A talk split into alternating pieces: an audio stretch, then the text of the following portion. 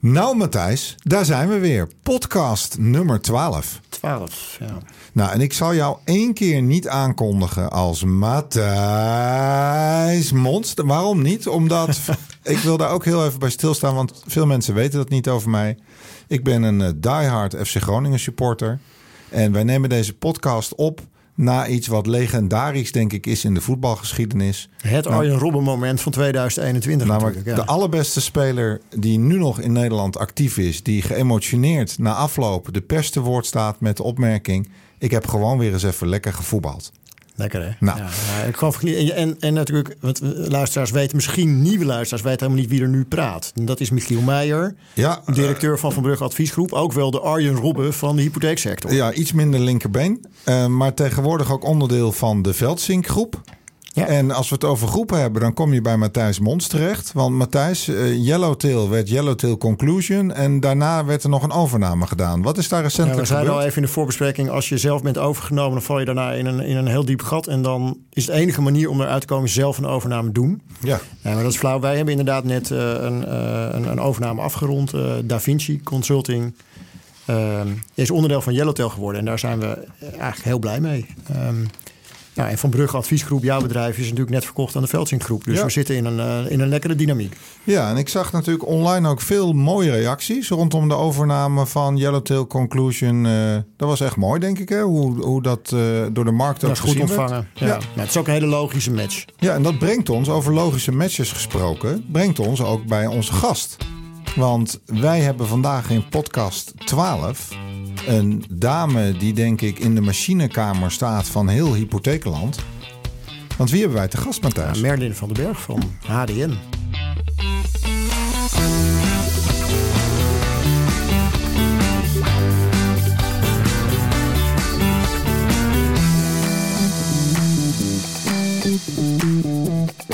Welkom Merlin. Dankjewel, heren. Hartstikke Leuk om hier te zijn. Ja. Hartstikke leuk dat je er bent. De eerste keer dat we iemand van eh, HDN eh, in, eh, in onze studio hebben. Dat is eh, sowieso een bijzonder moment. Nou, ik moet ook wel leuk om hier te zijn. Ja, want nou denk ik dat jij bij geldverstrekkers, bij heel veel partijen in de keten echt al een bekend gezicht en een bekende naam bent. Maar misschien niet bij heel veel adviseurs die luisteren. Wie is eh, Merlin van den Berg en hoe, eh, nou, hoe ben je terechtgekomen op waar je nu zit? Ja, ehm, jeetje, ik zit al inmiddels denk ik een jaar of 11, 12 in de, in, in de financiële wereld. En dan ook in de hypotheekhoek. Ehm, ooit begonnen bij, eh, in bij, nog een bijbaan gehad bij ABN AMRO in mijn studententijd. Kijk. In de avonduren hypotheken accepteren. Toen nog echt uit een, eh uit hebt een grote zelf map. hè? geaccepteerd. Ja, Dat uit een map goed. gewoon. Dan moest je een hypotheek uit de kast halen en dan de volgende. En dan moest je echt op papieren, op papieren werk allemaal. Ehm na mijn studententijd of na mijn studie eigenlijk gaan werken bij ASR, eh, de verzekeraar. voornamelijk ook in hypotheken. Eh, een klein uitstapje gemaakt naar de vastgoedtak. En daar in aanraking gekomen met IT. Ehm, toen weer terug naar het hypotheekbedrijf. Ehm, daar heb ik in mijn laatste rol binnen het hypotheekbedrijf... was ik verantwoordelijk voor de change-hoek. Ehm, en heb ik uiteindelijk nog de overstap gemaakt naar de vermogensbeheerder. Wat zich heel leuk was om een keer die kant te zien. Ja. En niet alleen maar eh, de retailkant en de klantkant... maar ook de vermogensbeheerder... en, en de risico's en de acceptatie eh, daarvan aan die kant. En toen werd een, belde een oud-directeur van mij en die zei van... joh, eh, ehm, zou je eens willen praten bij HDN? Ehm toen zei ik, nou, hè. Wist je wel wat het was? Ja, uiteraard. Want in, mijn, in mijn tijd bij het hypotheekbedrijf eh, veelvuldig te maken had ik met, eh, met HDN. Want ja, als, als geldverstrekker gebruik je ook, zit je ook op HDN. Hè? Ehm, dus ik zei ook tegen hem, ik zei, nou, ik verenigingen, dat is niet echt mijn ding. Ik zo, en ik heb met eh, meerdere malen gevloekt wel op HDN in mijn tijd eh, eh, daarbij. Een vereniging, eh, groot stuk. Ik dat is niet echt iets voor mij. Zei hij, joh, praten. Praten kan altijd. Nou, heeft hij natuurlijk een punt, hè. Dus ik ging praten. Ehm, en drie maanden later tekende ik mijn contract. En wat heeft dan de doorslag gegeven? Ja, het is wel echt anders dan, eh, dan, je, dan, dan wanneer het natuurlijk altijd als je ergens binnen een bedrijf komt en je hebt een beetje een vooroordeel eh, over hoe het daar gaat, omdat je het wel kent. Ehm, maar goed, het is anders. Weet je, het, is, het is inderdaad een vereniging, eh, maar er zit gewoon een heel bedrijf achter. Ehm, en natuurlijk, je- de verenigingsstructuur maakt het soms wat ingewikkeld. ehm, om, om snel stappen te zetten. eh, weet je, je moet consensus halen in de markt. Maar uiteindelijk is het gewoon in de basis een IT-bedrijf. Eh, wat de communicatie natuurlijk ehm, eh, verzorgt in de, in de hypotheekmarkt. Ja. En niet zomaar een rol speelt natuurlijk. Ik- Nee. Ik, ik denk, ik, ik een beetje twijfelen. Want ik denk dat bijna al onze luisteraars wel weten, ongeveer weten wat HDN is. En toch denk ik dat ook heel veel mensen zich niet precies realiseren wat je, hoe, hè, wat je nou precies bent als Ja. HDN. En, en, en, en wat je allemaal nog meer doet dan misschien dat, dat, dat ene berichtje dat eh, over de bühne gaat. eh, snap je? Dus misschien toch even gewoon, wat is HDN nou eigenlijk echt? De, in, de, eh, in de basis bestaat eigenlijk uit twee dingen. Aan de ene kant heb je de standaard. ehm, dus de manier waarop wij eh, in de hypotheekmarkt met elkaar praten. De geldverstrekker eh, en de hypotheekadviseur. Ehm, en dan gaat het over de, de veldjes. Hè. Ehm, hoe schrijven we geboortedatum? Ehm, ehm, ehm, zetten we punten tussen de voorletters? Ehm, welke afspraken maken we over hoe vaak we berichten heen en weer kunnen versturen? Dus echt maar hoe praten we met elkaar?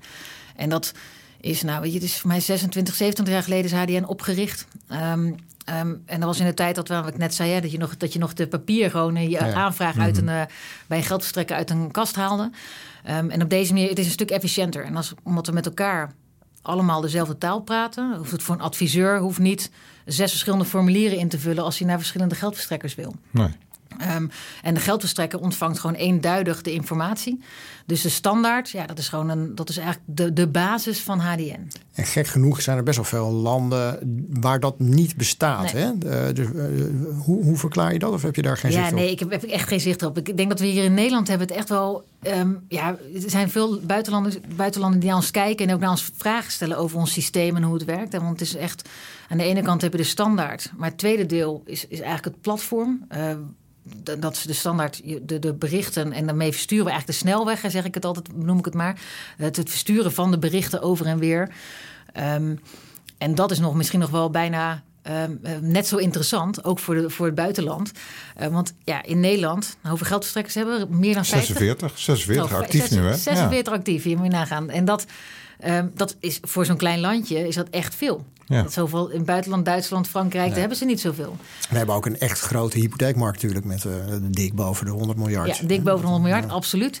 Ehm, maar we zijn, het is wel een beetje plug and play. Hè? Een adviseur ehm, eh, sluit zich aan bij HDN, krijgt een certificaat en kan naar alle geldverstrekkers toe. Ja. Mits natuurlijk hè, de, con- de contracten en dergelijke allemaal goed zijn. Maar de andere kant, als een, geld, als een partij is die geld wil steken in de Nederlandse hypotheekmarkt.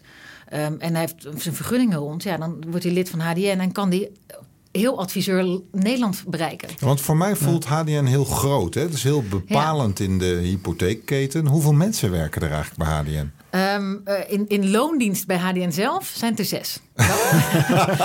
ja, waaronder Reinier, eh, mijn collega en ik samen. Ja. Eh, Reinier was ooit de eerste medewerker van HDN. Dat is inmiddels nu ruim vier jaar geleden. Ehm, in totaal dus zes. Maar eh, wij huren daarnaast eh, nog ehm, ja, v- 15, 10, 15, 20 mensen in. Die ook wel echt fulltime voor HDN werken. Oké. Ehm, ehm, en dat is eigenlijk zijn, ja, dat is een beetje de, een van de eh, starters ook van ooit van HDN. Dus vanuit Da Vinci. Nou ja, misschien wel hè. Toch, Ja. toch, toch nog even de link hier. Ligt toch op tafel nu. precies. Ja. En daaromheen, vanuit de markt, zeker 150 tot 200 man. Want distributiepartijen, geldverstrekkers, eh, die zijn allemaal onderdeel van het ADN-community. Eh, adviespakketten.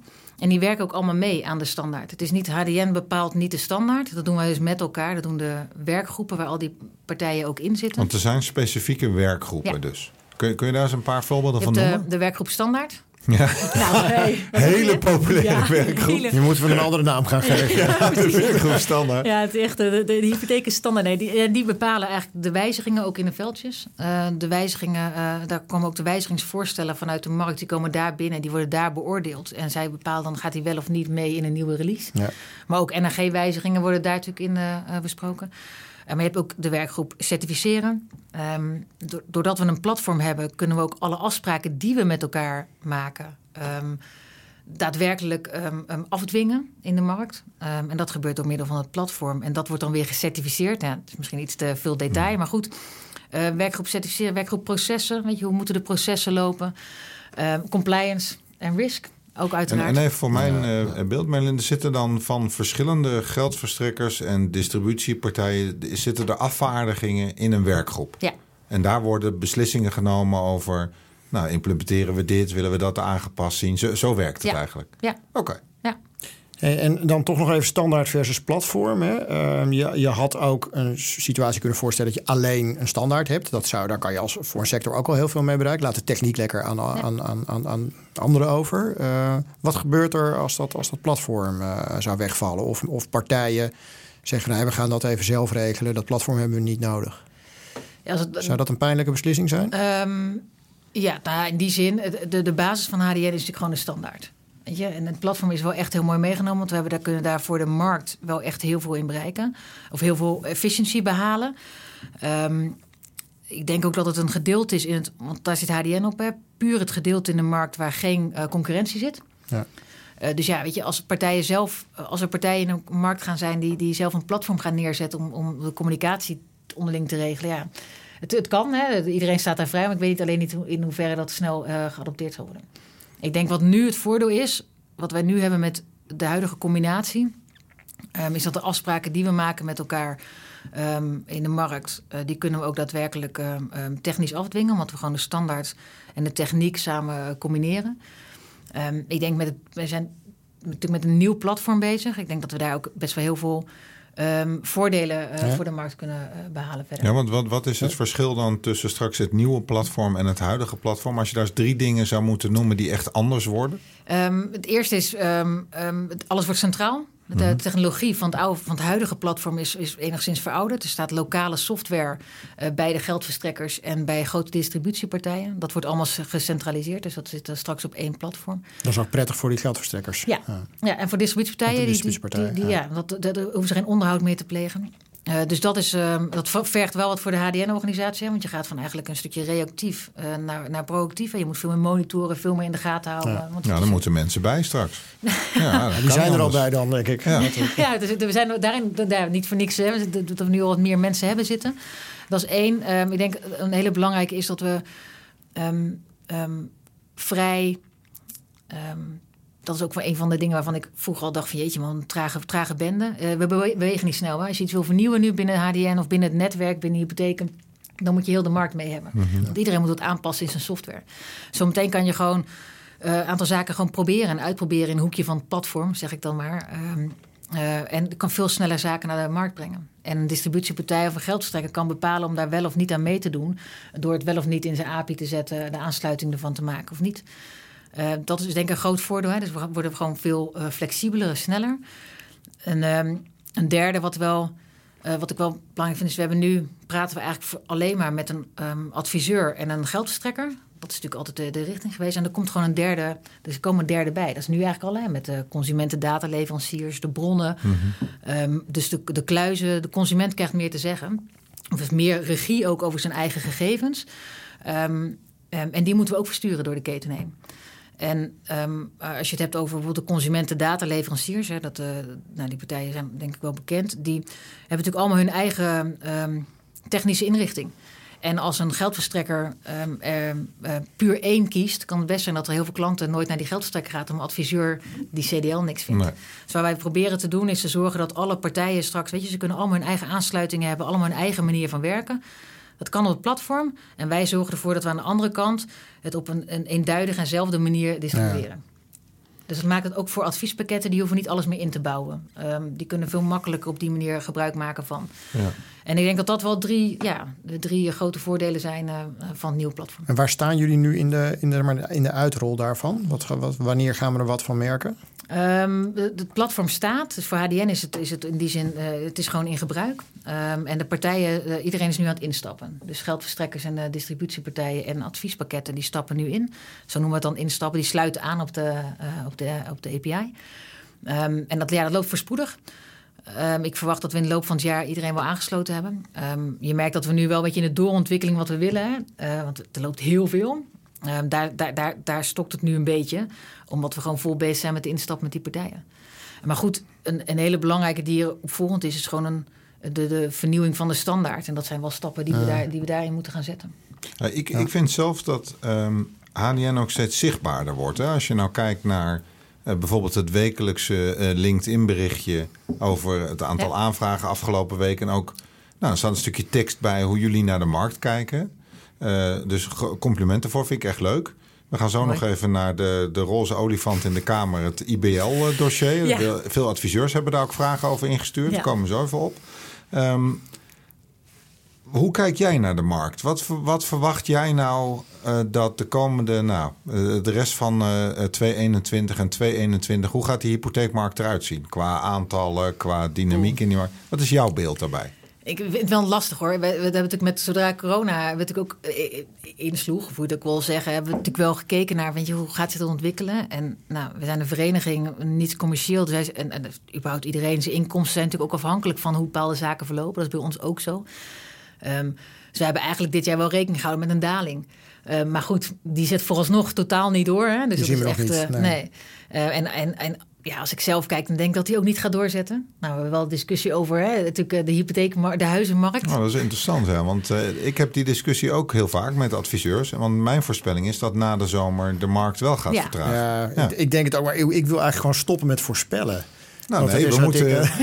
nee, Matthijs, wij moeten gewoon aan het eind van elk jaar. kijken wij in een nieuwjaarspodcast. Wie terug op onze? Dat is voorspellingen. ja. Ja, dat, dat hebben we had, afgesproken. wie had er gelijk? Maar de, wat, wat verwacht jij dan? Nou, ik denk, ik, ik- qua oversluiten is er nog genoeg in de markt. Dus dat je de ruimte om. eh, Dus als je het voor HDN bekijkt, dan, dan denk je, ja, qua- als die oversluitingen doorzetten en als de, de rente eh, laag Ja. blijft, weet je dan. Het moet echt vanuit oversluitingen komen, Dat want is er het, is ja. gewoon geen aanbod. Nee, qua Eh, dus aanbod op aanbod kan het niet drijven. Nee, qua aanbod gaat het. Dus dan is het puur oversluiten. En zolang die rente eh, laag blijft en er af en toe een beetje druk komt op.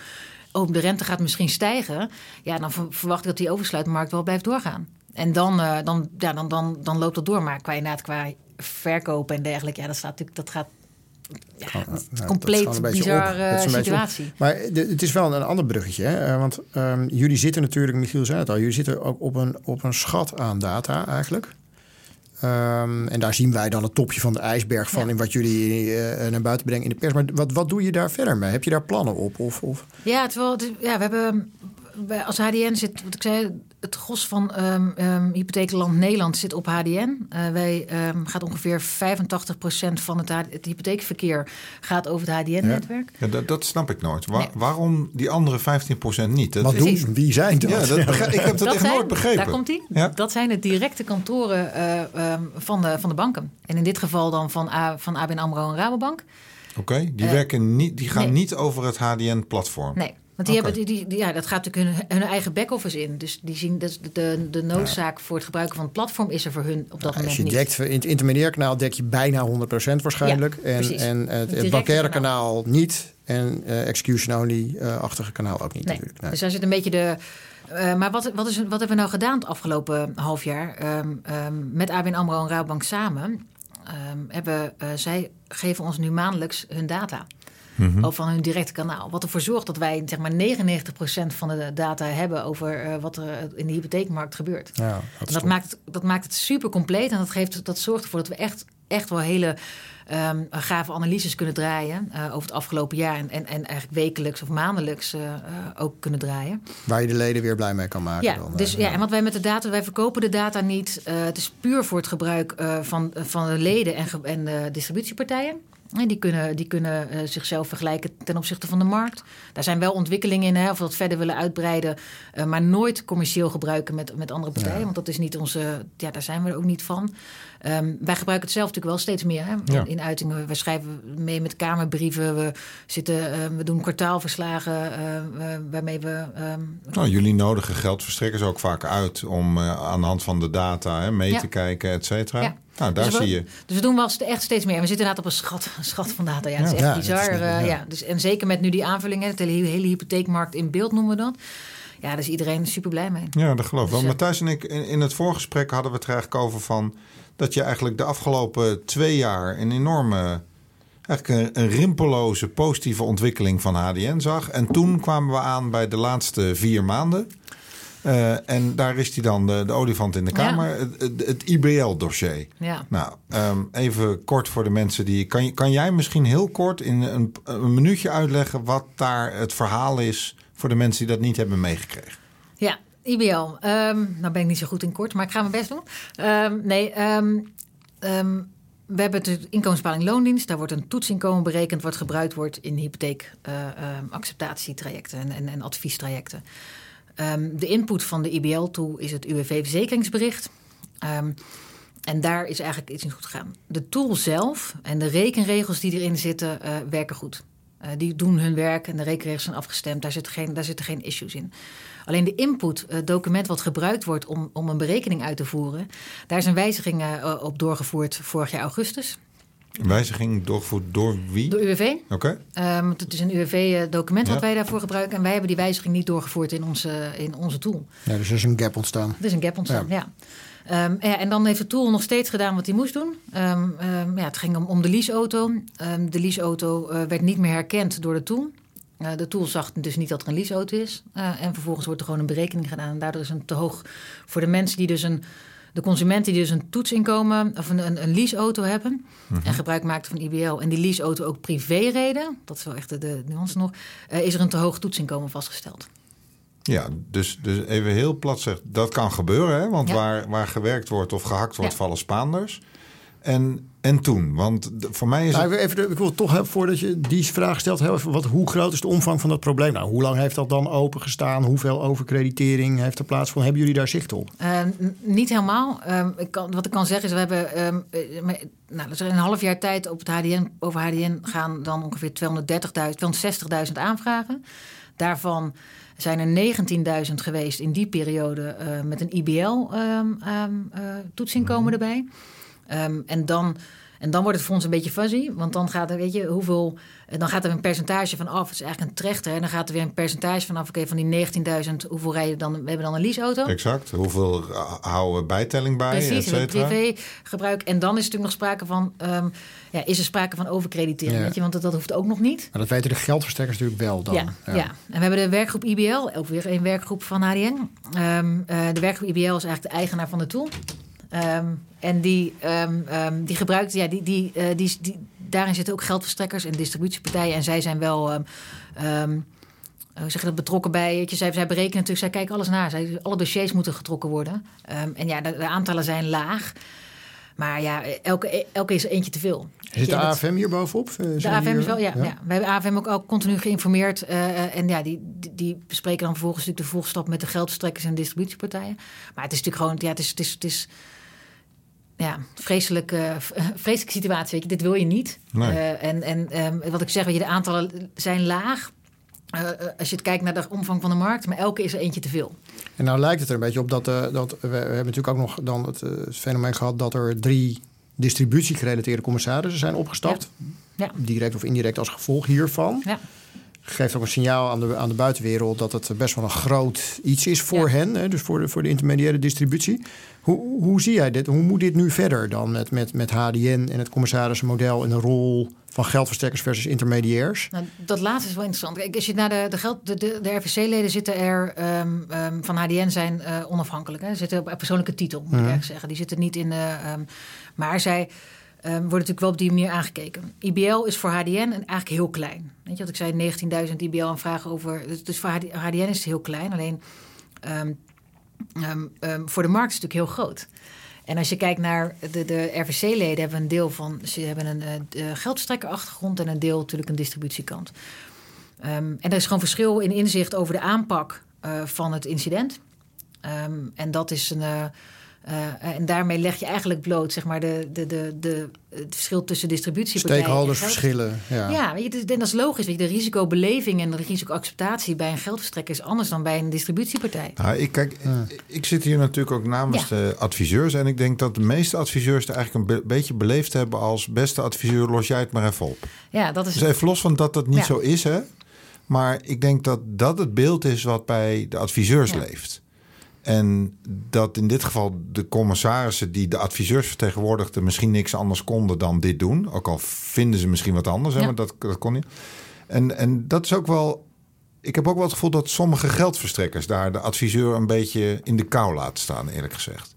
En, en dat, dat leeft heel sterk. Nou, hoezo heb je dat gevoel dat geldverstrekkers de adviseur in de kou laten staan? Nou, omdat er ook geldverstrekkers zijn die zeggen: ja, weet je, jij zult met die klant in gesprek moeten. Hier is sprake van overkreditering. Ik wil de AFM niet op mijn nek hebben, dus los het maar op.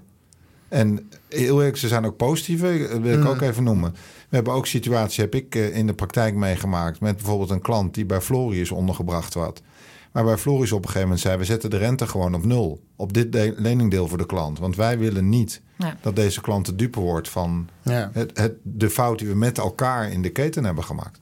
Dat vind ik echt een Dus je groot ziet wel compliment. verschillen in hoe geldstrekkers mee Maar omgaan. er zijn ook geldstrekkers die zeggen... ja, eh, zorg maar dat die klant uit eigen middelen een stuk inlost. Want dit is overkrediteren. Maar kan jij in, in 10 seconden vertellen hoe jullie er als Van Brugge mee omgaan met dit, eh met dit Ja, wij hebben uiteindelijk eh, via Adviesbox achterhaald welke klanten dit zou kunnen betreffen. Ik, ik doe het even uit mijn hoofd, het waren 61 dossiers.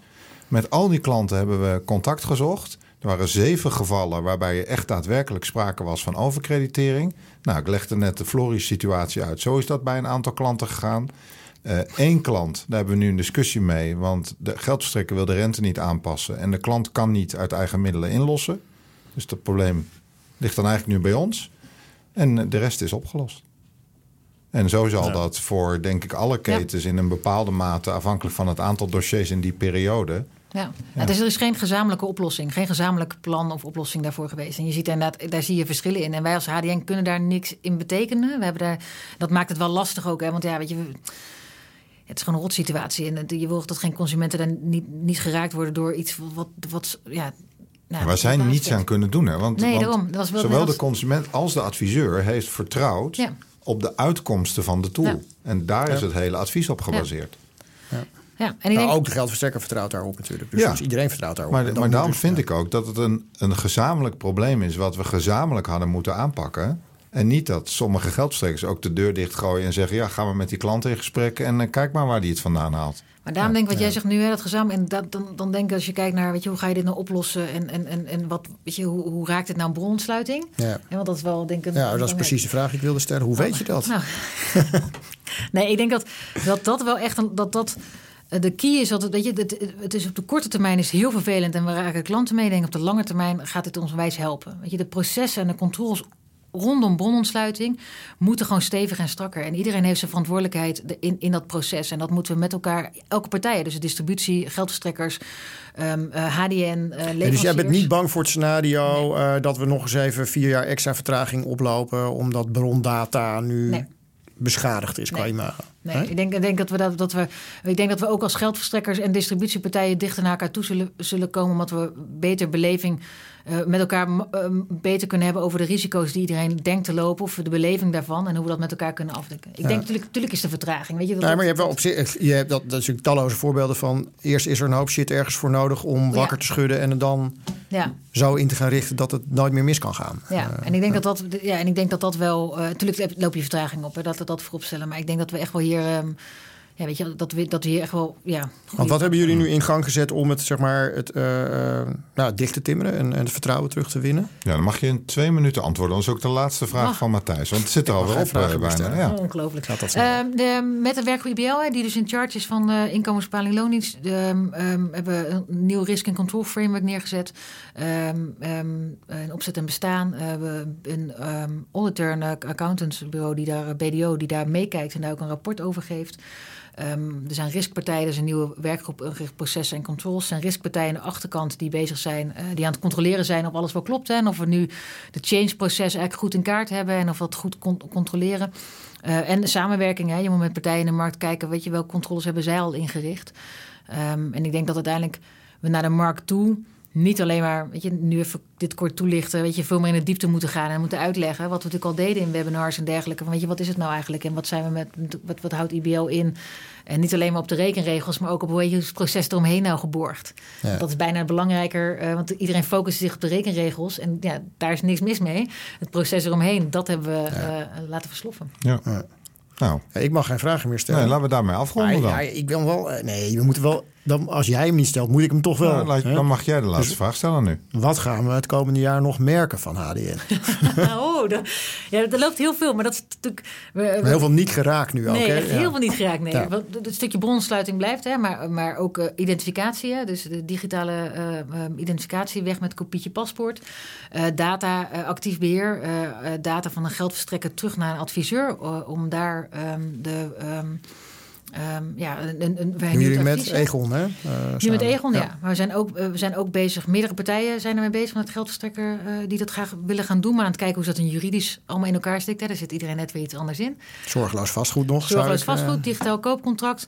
maar ook het, het, het, het, digitaliseren van het ontslag hoofdelijke aansprakelijkheidsproces. Of het standaardiseren. Ja, dat is een proces wat ook nog niet, wat nu allemaal nog via de mail gebeurt op vele plekken. Ehm, dus daar willen we, weet je, dat, ook het ontzorgen van het adviseurstuk. Um, de standaard 2.0, het flexibele maken. Nou, ik kan echt nog wel uh, bankgaranties. En dat gewoon met maar zes mensen in loondienst, hè, Matthijs? Ja. ja, daarom, ja we, doen, we doen een beetje veel. Hoe, hoe dat gaat. Ja, ik, we hebben een hele community dus, eromheen. Daarom stelde ik die vraag nog even. Want ik, ik realiseer me dat we gewoon snel weer door die tijd heen gaan, zoals altijd. Maar er speelde zo ontzettend veel bij jullie. En de HDN is al lang niet meer alleen dat ene lijntje om een aanvraag te, te, te schieten naar een, nee. naar een geldverstrekker. Dat, Zie je ook, dat was ook echt, ja, terug helemaal aan het begin in mijn verhaal, vereniging. Pff, standaard, weet je. Maar nee, dat is veel meer. Dus dat is echt wel, uh, maakt het heel interessant. Dan mogen we jou enorm bedanken voor jouw komst. Ja, superleuk dat ik hier mocht zijn. Voorbij gevlogen. Ja. Dus uh, nou, wie weet uh, komen we nog een keer bij je terug. Dankjewel. Ja, Matthijs. Matthijs, ik geef het je te doen. Dat je toch bij zo'n heet onderwerp, IBL, het zo rustig, respectvol en duidelijk kan uitleggen als Merlin gedaan heeft. Ja. Vind ik een absoluut ja, dit is een gevoelig onderwerp en uh, gewoon, ja, denk een eerlijk beeld op teruggegeven. Ja, wat, wat is bij jou het meest blijven hangen in de afgelopen minuten? Ja, twee dingen. De, ik, ik ben wel getriggerd door, door wat Merlin zei. Um, ik denk dat het ons uiteindelijk gaat helpen. Dus we, zijn hier, we hebben hier echt wel een, een, flinke tik gehad. Maar juist dat gaat ertoe leiden dat het in een stroomversnelling gaat komen. Dat vind ik een interessante voorspelling. Dus die gaan we volgen. Ik kan me wel goed voorstellen wat je daar zegt. En um, en het andere is wel, uh, uh, ja, er speelt zo ontzettend veel in de breedte bij HDN op het gebied van, het is echt een innovatiemachine voor de sector. En dat is vind ik ook een heel mooi inzicht. Ja, ja nou laten we daarmee afsluiten. Mocht je nou genoten hebben van onze podcast, nou abonneer je. Um, je kunt ons vinden op, denk ik, bijna elk platform waar je een podcast kunt luisteren. Um, Matthijs en ik zijn zowel makkelijk te benaderen via LinkedIn, Facebook en alle andere socials. En, Matthijs, hebben we nog helemaal niet bij stilgestaan. Wij doneren ook per podcast aan het Oranje Fonds. Ja. En um, ik vond dat eigenlijk een heel mooi initiatief waar we samen tegenaan liepen. En waarvan we zeiden van nou, we vinden het ook leuk om met de gast die hier aanwezig is, daar ook altijd een kleine donatie uh, aan te doen. Omdat we deze podcast niet alleen maar voor de sector maken, maar ook voor iedereen die het uh, heel hard nodig heeft. Ja, dus wij uh, gaan geen verdienmodel voor onszelf aan deze podcast ontlenen, maar wel voor het goede doel. Ja. Nou, dan gaan wij op weg naar podcast 13.